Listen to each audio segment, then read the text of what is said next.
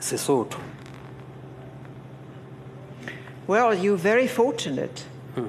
that you have those cultures, those traditions to draw from. Right. Yeah. Hmm. Now, I want to still go back. You were born in the Eastern Cape. Yes. You spent your early childhood in Soweto. Mm-hmm.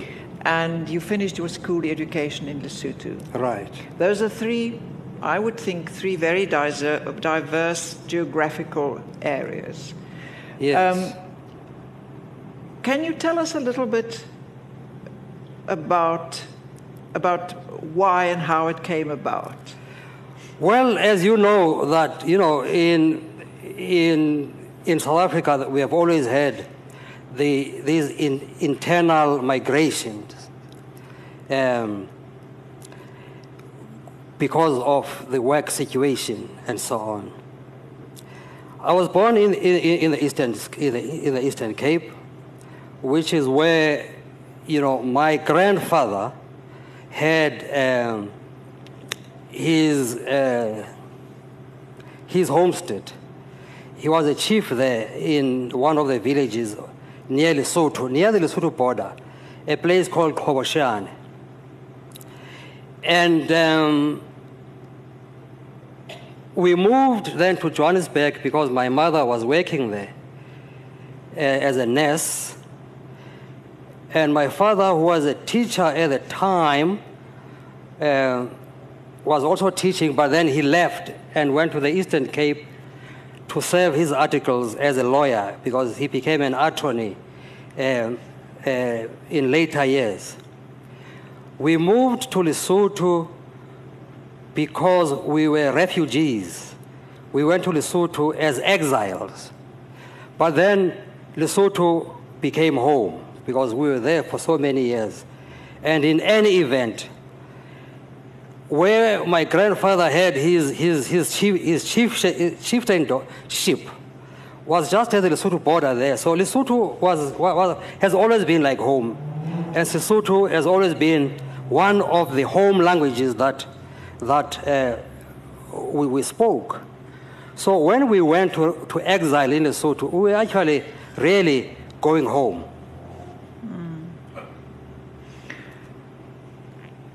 Lex, what is your earliest memory? Well, my, my earliest memory, oh my goodness, was when uh, my mother came home with the twins that come after me. I think I was two years old or so, Okay. and they were from, they came home for the first time Okay. from the hospital. Okay. And uh, I saw these tiny little things, you know, that I didn't, I didn't like very much, Okay. uh, who were now coming to take my place, Okay. you see. Yeah. I think that is my earliest uh, memory. Yeah. You, but you're not the oldest. I am the oldest. Oh, you are the oldest. These were, these, these were, are the two boys who came after, after me. Yeah. So they came to dethrone you. they came to dethrone me, yes. Oi, it's difficult. yeah, it, it is, isn't it? Yeah. When did you realize that you actually wanted to be a writer? Well, I mean, I've, I've always wanted to be a writer because I grew up in a culture of, of storytelling. Mm, that's important. As you said before, I grew up in Johannesburg, in Soweto, and there I, I was a lover of comic books. Uh, and so I would buy comic books all the time, American comic book. American comic books. Okay, like Little Lotta and Richie Rich. Exactly, Richie Rich, Rich. Little Lotta, Okay. rather than the superheroes one, you know, Okay. Spider Man and all that. Yes. No, no, the Little Lotta one, the, Okay. the, the, the spooky.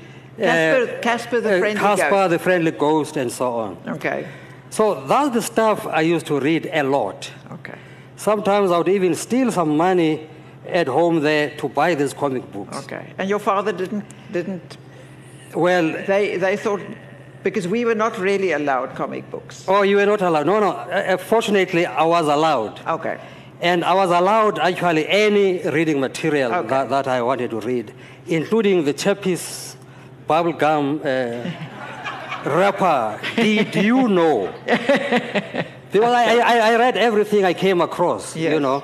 Um, so that was my staple reading material. But then in December, we, you know, as is a tradition even today, we now go to the rural areas, to the Eastern Cape or Limpopo or wherever you come from, where, I mean, your, your great grandfathers or whatever live. Okay. That's where you spend your holidays. Okay. And then, of course, that's my grandmother's grandfather's place, where my grandfather was the chief. And all the grandchildren from different sources, you know, would gather there for December holidays. And the main activity in the evening would be the storytelling, intsomi, as it is called. Okay. And of course, in the process of storytelling, because that's what happens in the evening, our grandmother would tell the stories, but so also we also had to, to tell our own stories. Now, these are classical tales, the traditional folk tale that has been passed from one generation to the next, as is. So we learn these stories and we learn to repeat them. You see, the pre-composed stories. But then in the course of storytelling, there would be a time when then they will say, now this is a time for um, improvising your own story. It's like a competition, you see, whereby we each now tell stories that come from our own imagination. In, in many instances, we improvise Okay. from the traditional folk Yes. tale and we improvise our own stories. But those who were more talented amongst us then would start new stories altogether, you see. Uh, and uh, that, of course, was the training ground for, for storytelling. We were not aware, of course, that, uh, you know, Yes. for us it was just fun. Yeah. It was just, you know, competing on, on, on storytelling. Uh, whereas some of us then took it up quite seriously and became professional storytellers. But that's why you're such a, a great storyteller. You think so? Yes. Oh, okay. It seems I'll to take your word for it. No, it's not only my word. It seems to just come so, so naturally to you. Ah, So it's actually from that, from that, Source, yeah, almost. from from that source. yeah.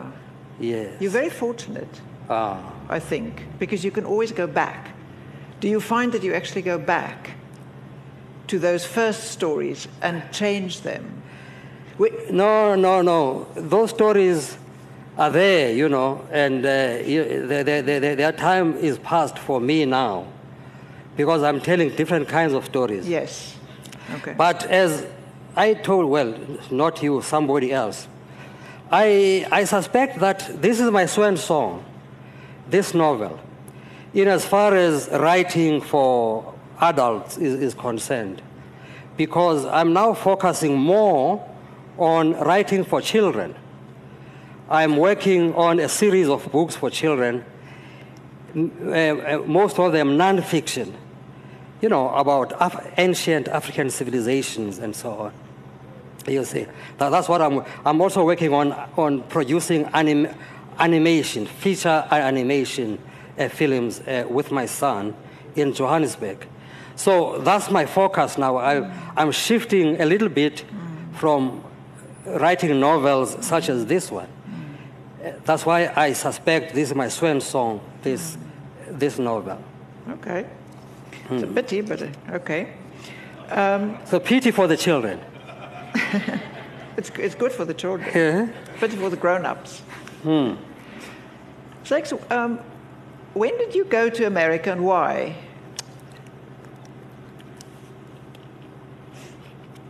Because you are based in America, and you have been for a long time. I've been for a long time. Well, as I told you, I went to exile in Lesotho. Uh, and then I, I went to study fine arts in, in Switzerland from the Lesotho exile, you know, to Fine, uh, fine arts. Painting. Oh, really? I, am a painter, yes. Wow. So, oh, you didn't research? I didn't know. Oh, okay. I'm sorry. Yeah. Uh, I, I, I went to, to Switzerland then to, to study uh, uh, painting, which is what I do. That's my main occupation now, since I retired from teaching as a professor. I paint. And uh, I'll be coming with my paintings to, to this gallery, I, I, am- th- th- this museum. Um, Sure. Uh, in, in, in the future, we- uh, uh, are still talking about that. So you will see some of, of, of my paintings here. What do you paint? Let's talk about this, then But I'm interested. you see. I'll show you some because of my it's, a- paintings. it's yeah. a different side of you that I didn't know about. no, I mean, you should. yes. I promise you I will now take it up. So anyway, I, I went to study painting then. Okay. And, and, and then was a painter in, in Switzerland for, for some time. And then came back to Lesotho to teach, or to, I I first worked at the American Cultural Center, which was a library, you see, because I'm still answering the, the America question. Yeah. So as I worked there, then I'd already written some plays that had been performed and had won some awards. And then I came across a theater journal from one of the universities there, Ohio University, uh, where there was an, uh, an advertisement about that university and a degree, an MFA in playwriting. Now, I was already a playwright and I was fascinated by the fact that there is actually a degree that one can study in playwriting. Remember, in South Africa here, we never used to have, you know, creative writing uh, Yeah. degrees and things like that. It's something very new, you see. So to me, this was a discovery that you can actually go and, and have an MFA, master's degree in playwriting. So I applied to, to the place and, and to Ohio University and sent them uh, my plays, and they were very impressed. They gave me an immediate scholarship, and all I had to do was to raise money to go there. So that was in 1981. That's how I went to the same university uh, to study uh, theater, and then I also then studied another degree right there in mass communication, you know, specializing on radio and television, and also in film production and in claymation, animation, and all that. So that's how then I went there for that very first time. Then even when I graduated, I taught there for some time, then left, but went back because now it had become, you know, um, more like, like home, you know. And it was a place also, I wanted to write a novel set there. That's one reason I took a job again to go there now as a professor now, rather than as, as a student. So that's how then I happened to find myself there. And that's why I'm still there actually because I, I just like living there because I'm able to work, to paint freely. I have my studio and everything, you know. I, I have galleries in the nearby cities, you know, that stock my work and, and, and, and so on, yeah. And yet, um, you, you're based in America, Hmm. and yet your writing is often, I, I would almost say mostly, about South Africa. Um, Ways of Dying, Heart of Redness. Yes. Mm-hmm. Madonna of Excelsior, The Whale Caller, Black Diamond, Little Suns, and now this is um, Zulus in, in New York is a little bit about, about South Africa as well, although it's based in, in, in New York. Um, so you don't find it difficult, or what, what's it like to, to, to write about a country and not live there? Well, uh, I'll tell you, I mean, this is going to be a very long answer. That's fine. It's fine. Okay. Uh, I, I do also write novels that are set in America, actually. yeah. I have, for instance, Cion, Yes. Which is Yeah. completely set in America. even though the main character comes from South Africa. Yeah. But I have another one titled Rachel's Blue, which is completely an American story Yeah. and has no South African connection at Yeah. all. Now, of course, the Zulus of New York is partly set there in America. In England, in Cape Town, there's Cape Town here too, in KwaZulu Natal, Ondini. So, you know, it, it, it covers all that. Now, how is it to write about South Africa when I'm, I'm I'm not in South Africa? And indeed, I was for many years I couldn't come to South Africa, you know, when I was in exile. It was only after 1994 that I could come and, and be here. But then, you know, I don't have to be in South Africa to write about South Africa because I carry my South Africa with me. It is with me everywhere I go. I am in South Africa and I create my own South Africa. In Athens, Ohio, where I live, I am in South Africa. I interact with South African, uh, South African environment. I eat South African food. I live with South African people. I communicate with, you know, you know. And I carry the burden of that history with me, of South Africa. You see, because that's my background, that's where, I mean, you know, I do not leave it behind. And therefore, I'm able to write about South Africa anywhere I am. But another important thing, which was your, the final part of your question, what has that contributed to my writing? You know, to write away from South Africa. I think it has benefited my writing tremendously because I'm able to look at my country, you know, at some distance. Let me give you an example. You see, we who started writing during apartheid, because we, we wrote during that period of apartheid, you see. And of course, a lot of our writing was writing which was for the struggle and was against apartheid. You see, we saw our writing as a weapon to fight in, over, in order to overthrow the apartheid system. Now, our, our plays, I'll talk about plays mostly at this stage because it was before I became a novelist. It was before I wrote novels. Uh, You see, because I started by writing plays for many years before I, I could venture into writing novels. So our plays then, in many instances, were based on our lives under apartheid. Because you will remember that apartheid itself touched every aspect of our lives. There was no aspect of our lives that, that was not governed, the, the, where there was no law, you know, that governed it, no apartheid law that governed. Apartheid governed where you could live or could not live where you could go and buy something or eat something or sleep or, or whatever. It even governed who you could love or could not love. You could go to jail for loving the wrong person, who you could have sex with or have not sex with. So there is no aspect of our lives that was not governed by apartheid. And you can see that this was a very absurd situation. It was Kafkaesque. It was a Kafkaesque world. So, what would happen then?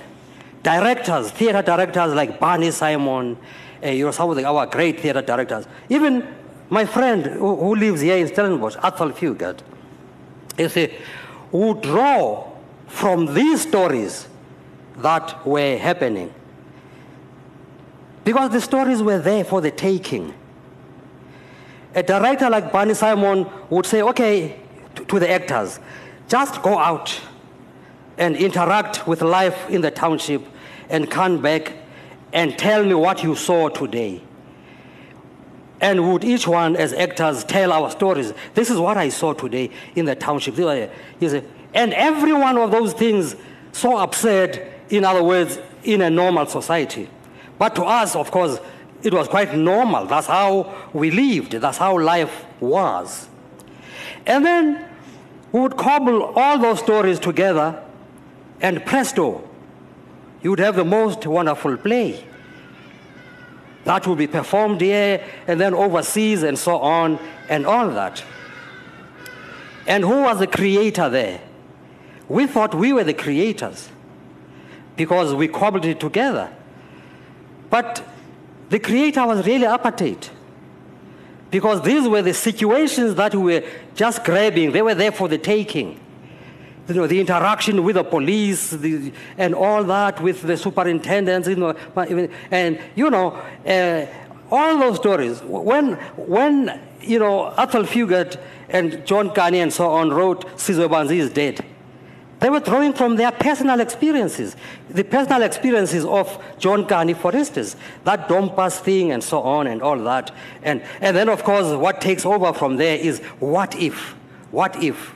What if then John Kani things had not happened like this, but instead like this? Then, of course, let's, let's try it. Then we try it on the stage, we act it out on the stage and so on. But most of all, the absurd situations that you saw in our plays were created for us by the system itself. You see? So when I went to exile, then I told you it's going to be a long answer. That's fine. That's fine. When That's I went to exile, I was deprived then of that situation where I could go out to Orlando East or maybe, you know, Hillbrow or whatever, and then grab a story and retell it as, as my own play. I was deprived of that. And therefore, then, I no longer really now had, you see, that's when then you, you are faced with, with the fact that, am I a creator or not? Fortunately for me, I started my writing seriously. I, I went to exile when I was still young. Why? Because it was originally not my exile, it was my father's exile. You see that? Then he, he, he grabbed me along, uh, so I was paying for his sins. So I started my, my, my, writing seriously when I was already in Lesotho in exile. My first Xhosa stories and so on, I was still here. So I'd learned to create without the benefit of apartheid. I'd learned to reimagine my apartheid world without taking the actual stories that were, were, were happening there. And then writing from America or from Europe, because I also uh, write a lot from Europe, I'm able to, to look at my apartheid situation, even then, and my post apartheid, with that distance. And I'm able then to use my own imagination, to use other literary devices, to use metaphor, for instance, Whereas they themselves, who are working from inside, can grab the language and its nuances as it evolves. You see, because language does that all the time. And I'm not part of that evolution now of, of language. So their work will have those nuances that are fresh because they've just grabbed them immediately from, you know, from the, from, from, from, from the real life setting, I, I had to, re, to reimagine that situation and then use metaphor for what they themselves then you know, could, could, could, could talk of directly and use many other literary devices in order to say the same things that they were saying, but giving them now a new perspective, you know, from my, from my distance. Doing now effectively what all writers actually do, even when they are writing within the situation, using what is known as defamiliarization. You see, when we talk of defamiliarization, we mean that you take the familiar, because you see, when you live within a situation, you are so used to it that there are many things that you don't observe even when they happen.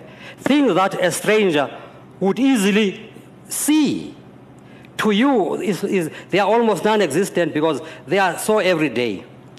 Now, when you, you, are right, then you learn to defamiliarize. You, you, you learn to take the familiar and make it strange.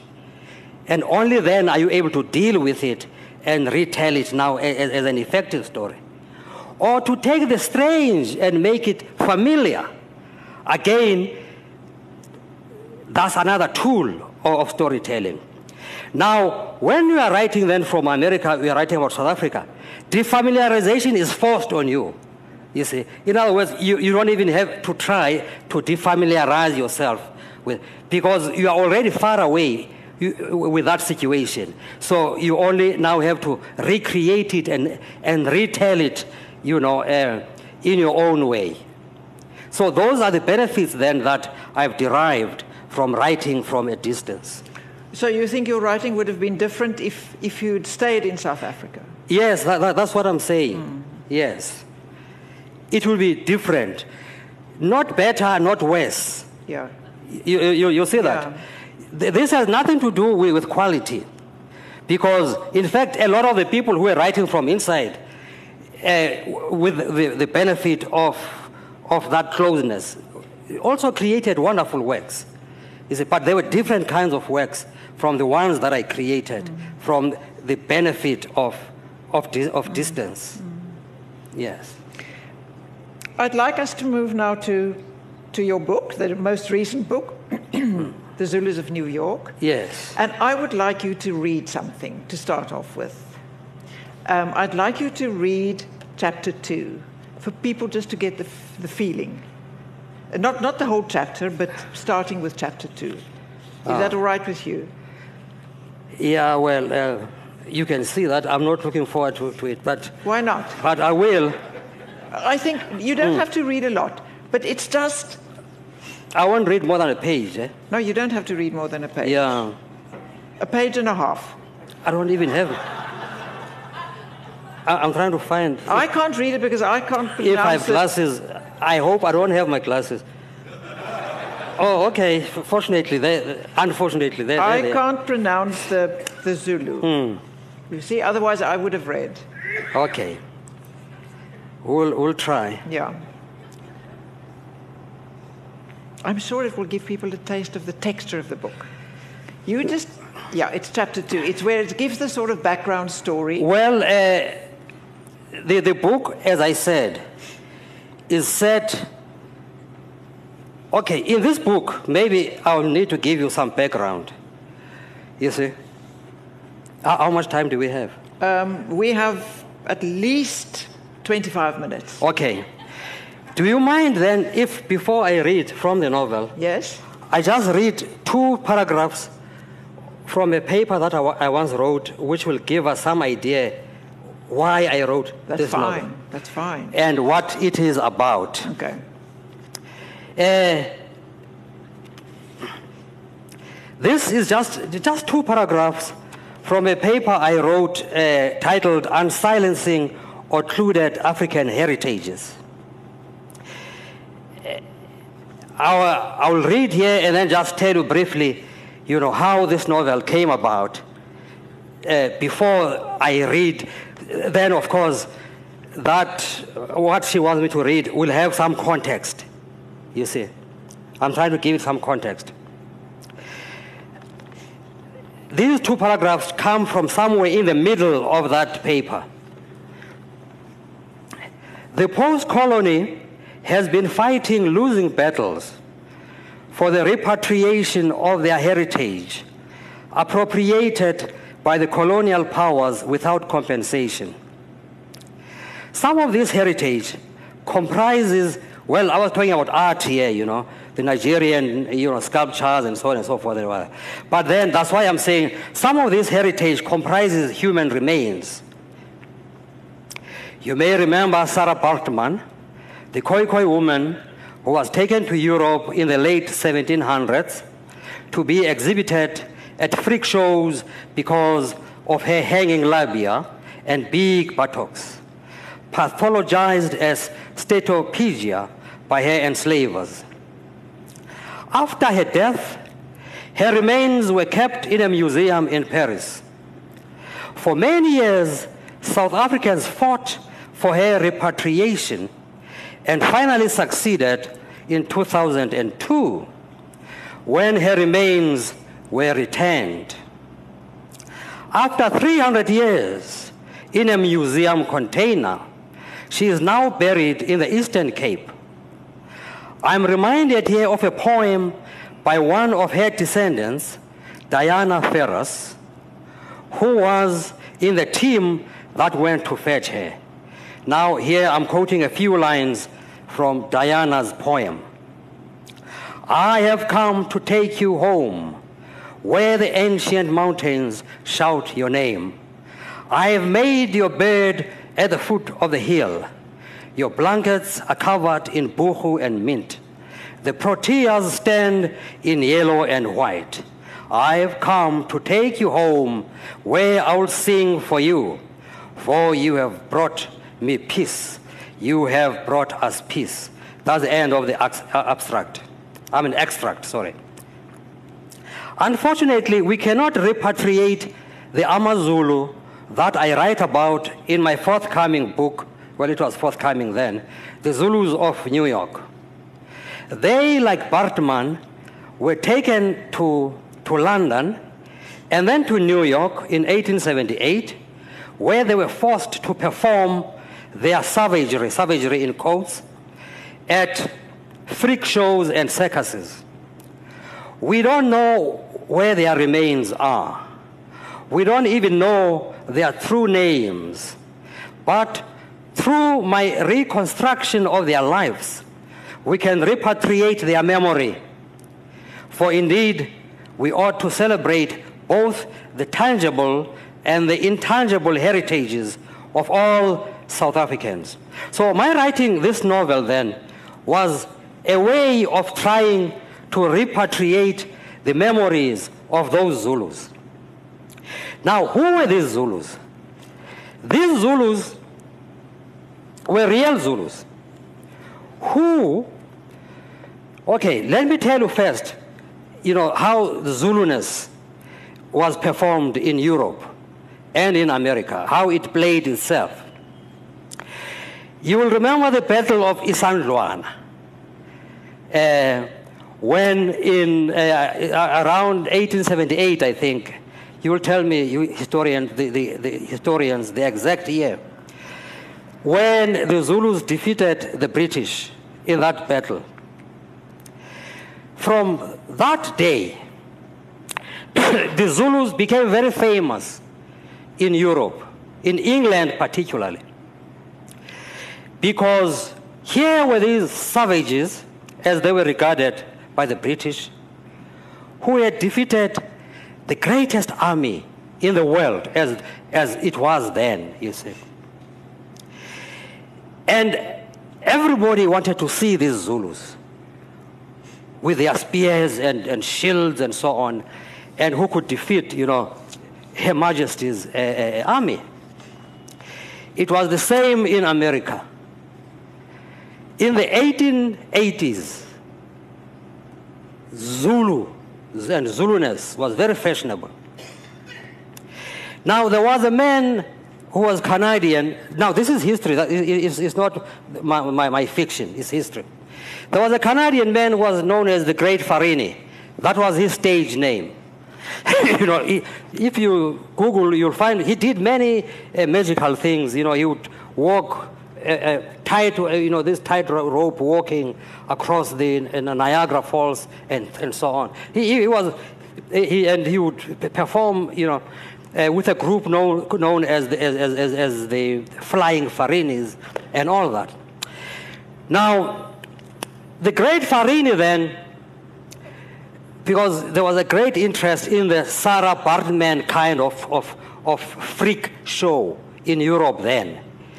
You know, the Farini, the great Farini would come to Africa get a few pygmies from Central Africa, come to the Kalahari, get the so-called Bushmen, as they, they were called, and then go to Sudan and get the, the Dinka people who are very tall, and then put them in cages in England and then later in America, uh, where people then would go and see these exotic uh, uh, people.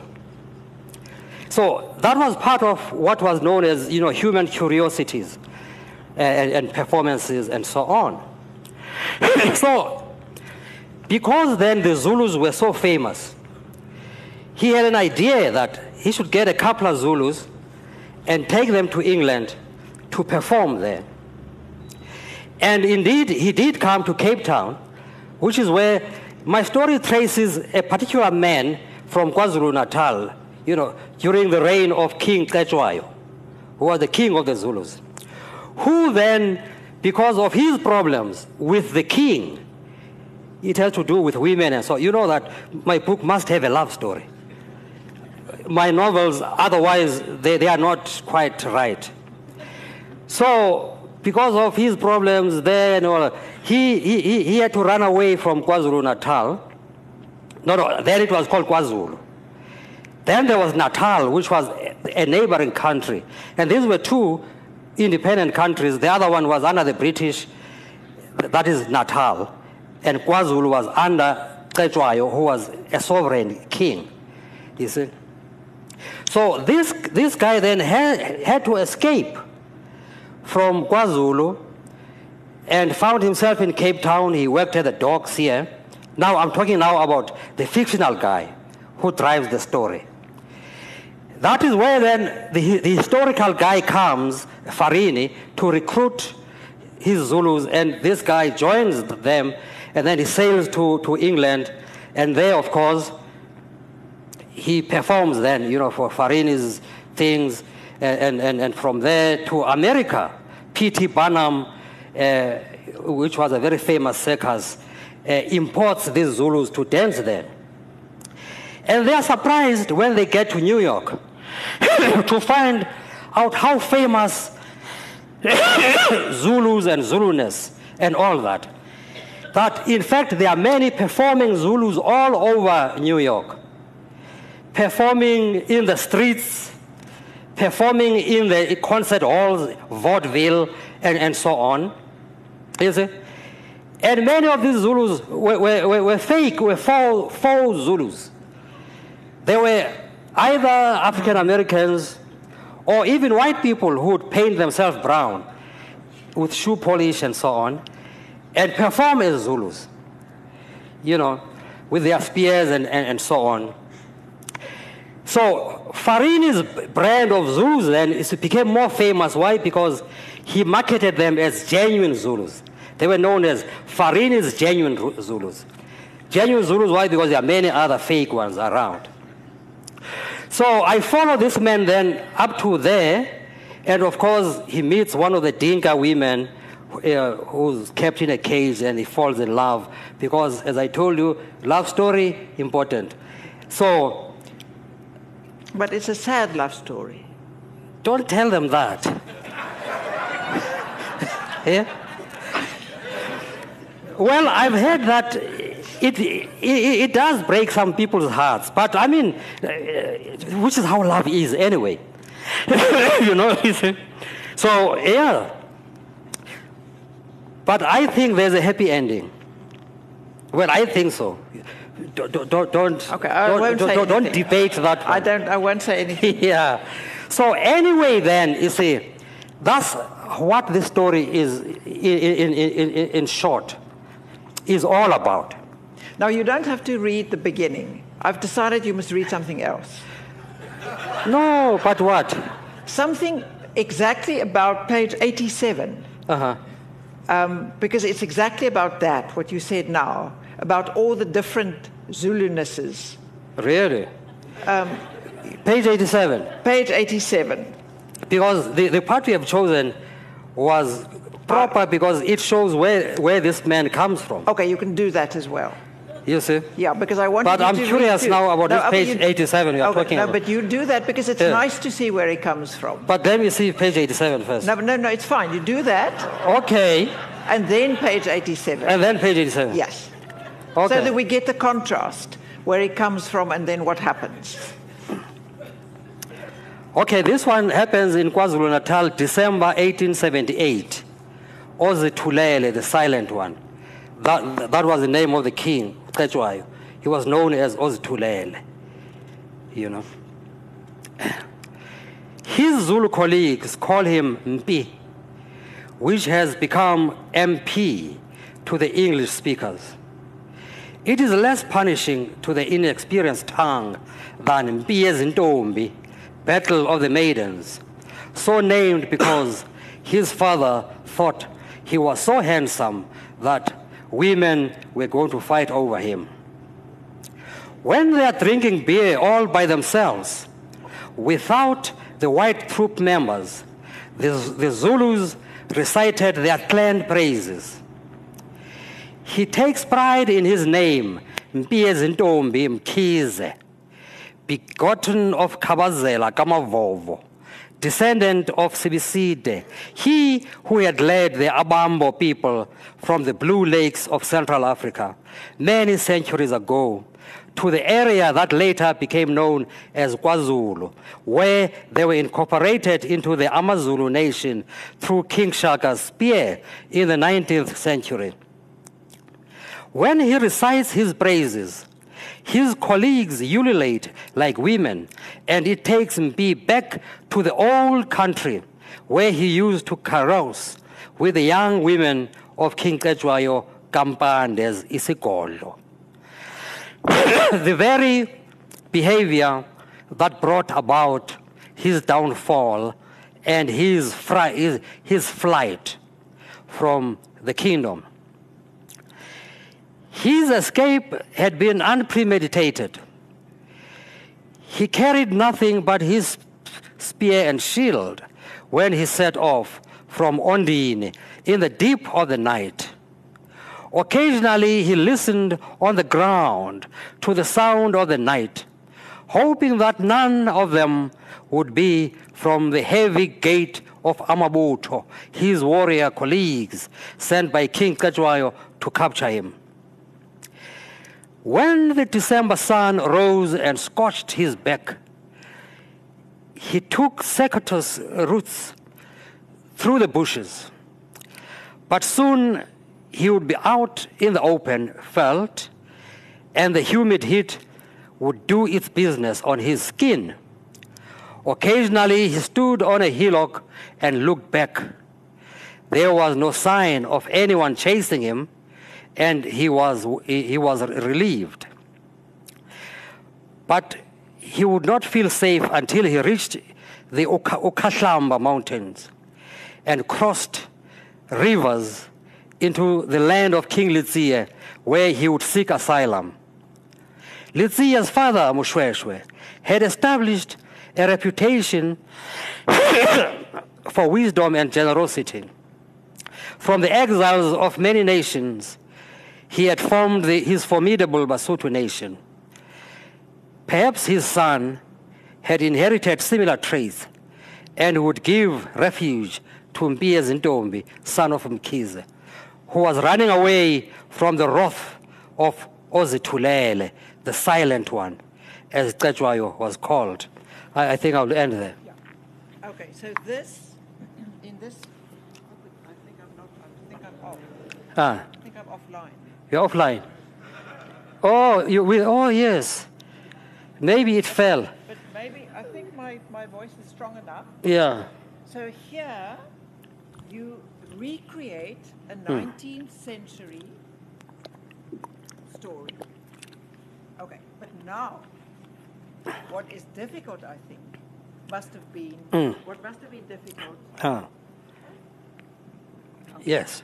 what must have been very difficult hmm. was recreating 19th century New York. Okay. Did you find that difficult? I think I'm still offline, still. Yeah. No.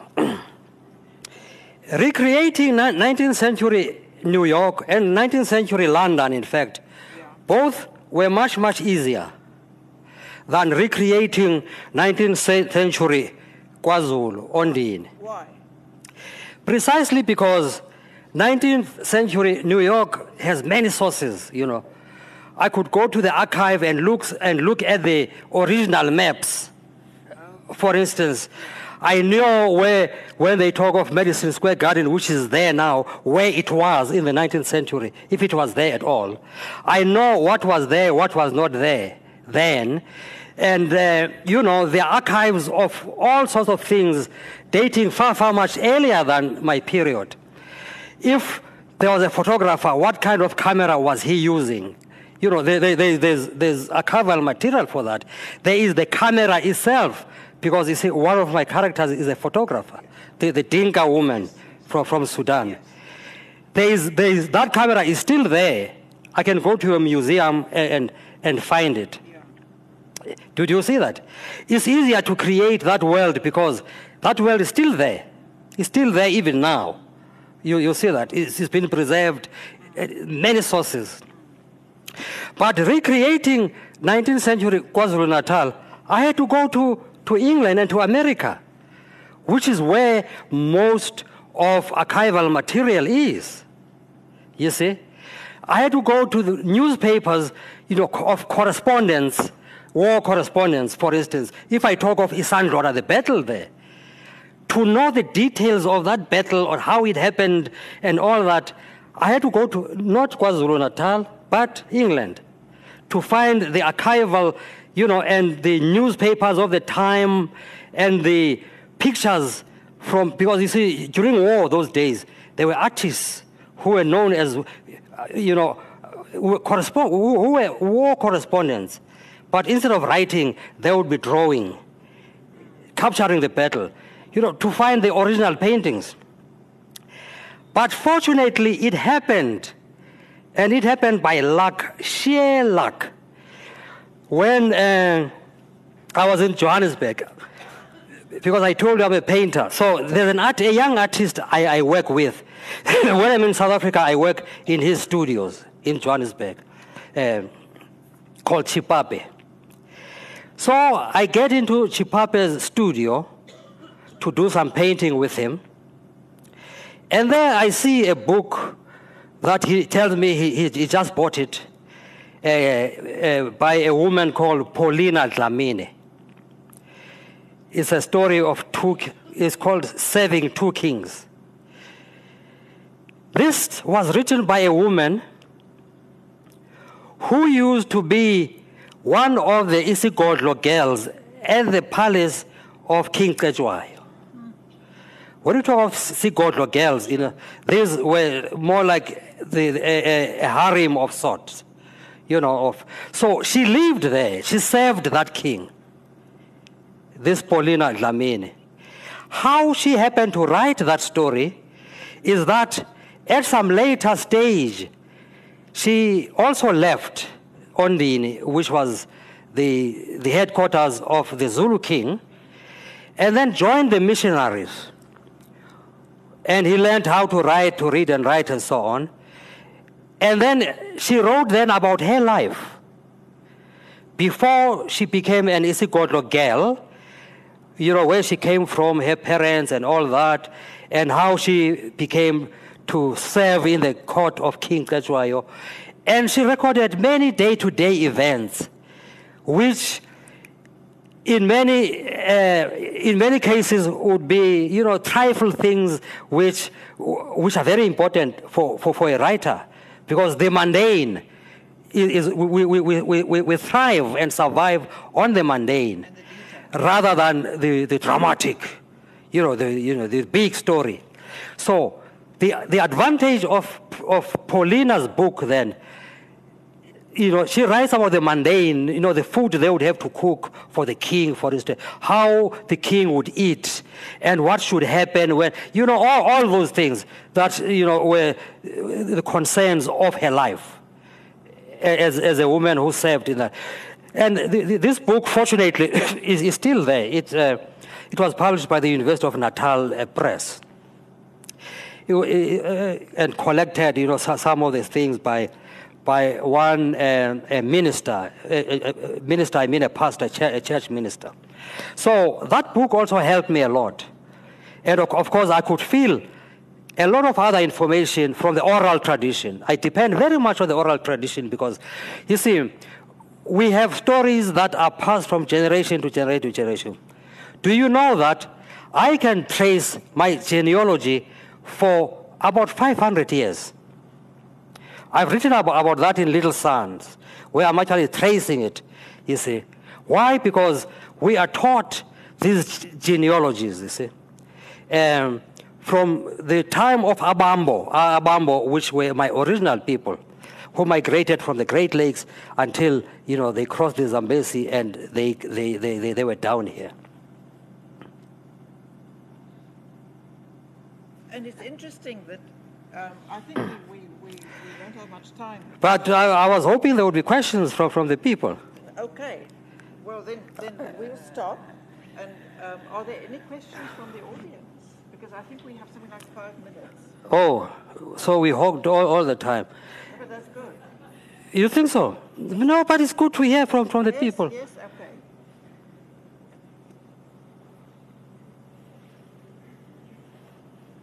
Dr. M- Oh, oh Hello. sorry. You're on. I'm on. We we don't see here because of, of the bright lights. It's a, it's a privilege to, to be able to sit and listen to you uh, this evening, and, and thank you for being available. Um, I, I'm just shocked and horrified to, le- to learn that this might be your swan song. And maybe you can explain why, and why, why are you moving on to other things, and whether it, it's definitely the swan song. Or, I didn't quite get that. Why? Uh, the, the gentleman says that he's very shocked to hear that this book is your swan song. Oh, I see. Why? Why is that? Why is that? Is because. Uh, sorry. Why is that? Is is is because um, you know I still have stories to tell, but I I think I'm tired of, of writing stories now for for adult people because I find that they are taking time away from writing for children. I've been, you know, filing away over the years things that I've always wanted to write for children. So I thought now, at this age that I am now, it's high time that I, I, I, you know, I, I forget about writing these novels and, and write for children and also produce, you know, animation films, which is w- what I'm doing with my son in Johannesburg, you, you see. Uh, fantasy films, mostly. Like now we're working on a wonderful story set inside a volcano. Did you know that? Inside? Did you know there are creatures that, that live in there? Sorry, sorry, set inside A volcano. a volcano. Oh, yeah. Wow. You can also write an adult novel set in a volcano. Do you think so? No, let, let, let's do it for children now. Any more questions from the audience? There's another question. How, how do you see? Oh, okay. I don't actually want to ask a question. I just want to uh, second what the gentleman said, that it's been an absolute privilege to hear you and to, and to, and to see you and to make your acquaintance. And I'm thinking if you're going to write for children about the ancient kingdoms of Africa, please can't you write for adults about the ancient children, uh, the ancient kingdom of Africa as well? It's a suggestion, okay? So think about Yes, thank you. I, I didn't quite get the last part. I said, if you're going to write about Yeah. the ancient kingdoms of Africa for children, Yes. please also write about the ancient kingdoms of Africa for adults. Oh, there's a lot of material on that for, Yes. for, for, for adults. It's, it's all there. You, No, you, you, you, so. you, you just need to, to look for it. Oh, okay. I have written one already called The Sculptors of Mapungubwe. Yes, Yeah. I read that. That's You read that, yeah? Yes, I'm a, Yes. I'm a fan.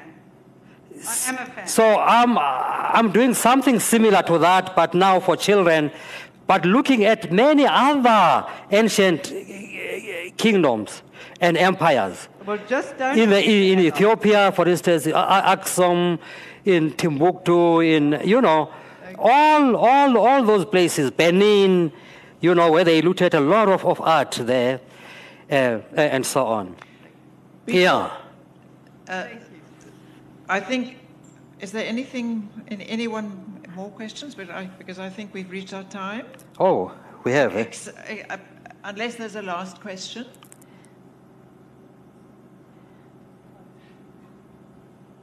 Zakes, before we end, I just want to tell you something. I don't know if you know that. Oh, In 1903, just after the Boer War, uh-huh. the, the, the, in St. Louis in Missouri, Okay. um, there was called, what was called the Louisiana Purchase Exhibition, the Boer War Circus. Yes. And the Battle of Paardeberg was recreated. Was created or recreated there. And, Oh. and General Ben Viljoen was Uh-huh. one of the people that went there, actually, okay. to take part in the circus.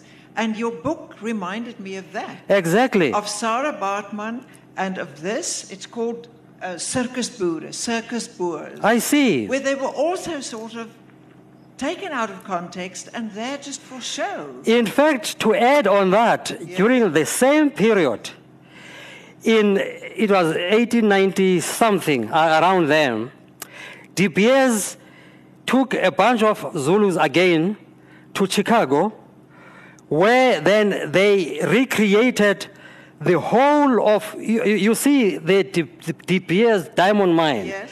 They rebuilt, they built that, you see, and imported sand from there, and it was spread all over there, and about, 100, about a million dollar worth of diamonds were hidden in this sand.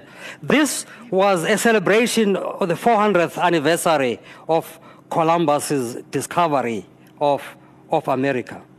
So, um, then of course the Zulus will be dancing there, but also they, you know, they'll be polishing diamonds to, to, to show the people.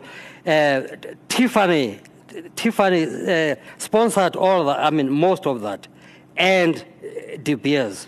sounds to me very- My character, actu- actually, I do write about that in, in this book, those events, because my character is able to come back to South Africa, you know, uh, sailing with those. Uh, De Beers people. with those De Beers uh, people Yeah. when they, they, they, they, they were coming back. Yeah, that sounds to me very, Hmm. very absurd. The whole De Beers recreation. Exactly. Yeah. Hmm. Well, Zakes, thank you very much. And My good pleasure. luck. Thank you. Thank you very much. And we will be watching. It I was a pleasure. We will see. And, and, and thank you for conducting this so wonderfully. Uh, thank you.